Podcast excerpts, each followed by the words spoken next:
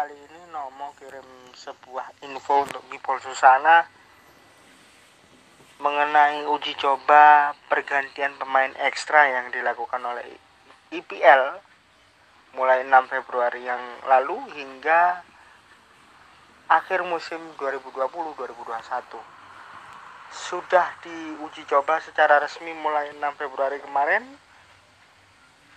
pergantian pemain ekstra ini adalah pergantian pemain yang khusus bagi pemain yang mengalami gegar otak atau eksplisitnya adalah cedera kepala di mana setiap tim diizinkan untuk menggunakan maksimal dua pergantian bila ada pemain yang gegar otak dalam satu pertandingan tanpa mengurangi jatah pergantian tiga pemain di mana jatah tiga pergantian pemain adalah jatah normal yang dilakukan di English Premier League dan semua pertandingan yang ada di level bawah seperti Championship, League One dan juga League Two.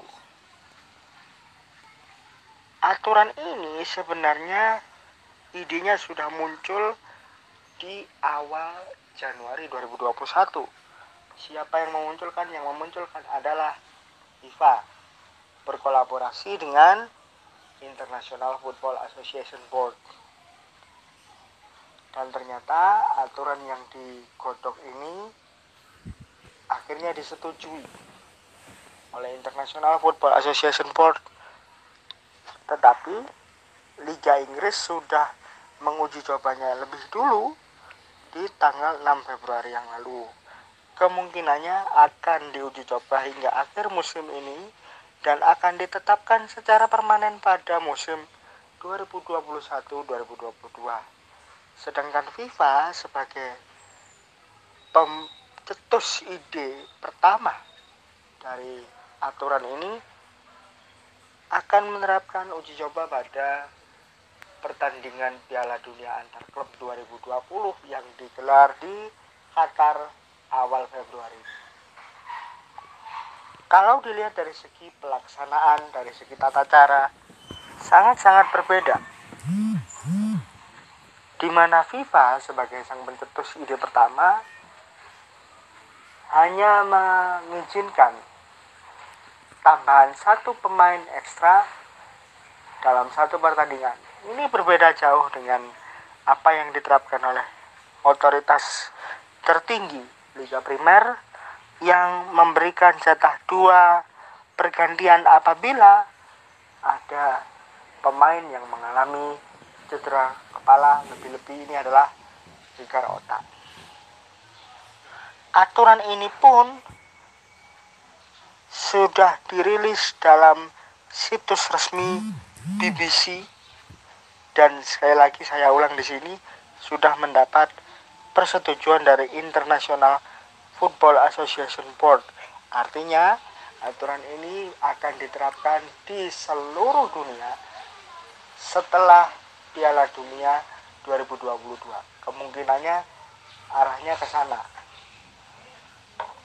Dan aturan pergantian ekstra ini juga dibuat sebagai perhatian khusus beberapa liga top sepak bola dunia yang berada di bawah naungan FIFA, utamanya Liga Inggris, karena ada studi dari sebuah universitas ternama di Inggris mengemukakan adanya peluang seseorang pemain sepak bola menderita demensia di masa tua sang pemain tersebut. Apa yang dimaksud dengan demensia? Demensia adalah penyakit yang diderita oleh seseorang akibat kerusakan syaraf otak. Dan dua nama yang merupakan mantan pemain tim nasional Inggris era Piala Dunia 1966 Nobis Stiles dan juga Jack Charlton adalah korban dari penyakit demensia ini. Bahkan lebih lanjut, otoritas tertinggi Premier League sudah menerapkan sebuah aturan untuk akademi di mana untuk anak-anak usia 8 hingga 12 tahun ada sebuah aturan khusus yakni pelarangan untuk heading atau menyundul bola. Hal ini didasarkan pada sebuah data dan juga riset yang mengungkapkan bahwa peluang terjadinya demensia bisa terjadi akibat seringnya seseorang melakukan heading pada saat bermain sepak bola. Artinya, sekitar 60% sang pemain di masa mudanya ketika sering melakukan header akan menderita demensia karena ada impact yang terjadi antara kepala di mana kepala ini banyak sarafnya dan juga bola impact yang keras ini secara berturut-turut akan menimbulkan kerusakan pada saraf otak. Demikian info yang saya share hari ini. Guten Tag dan Kesher.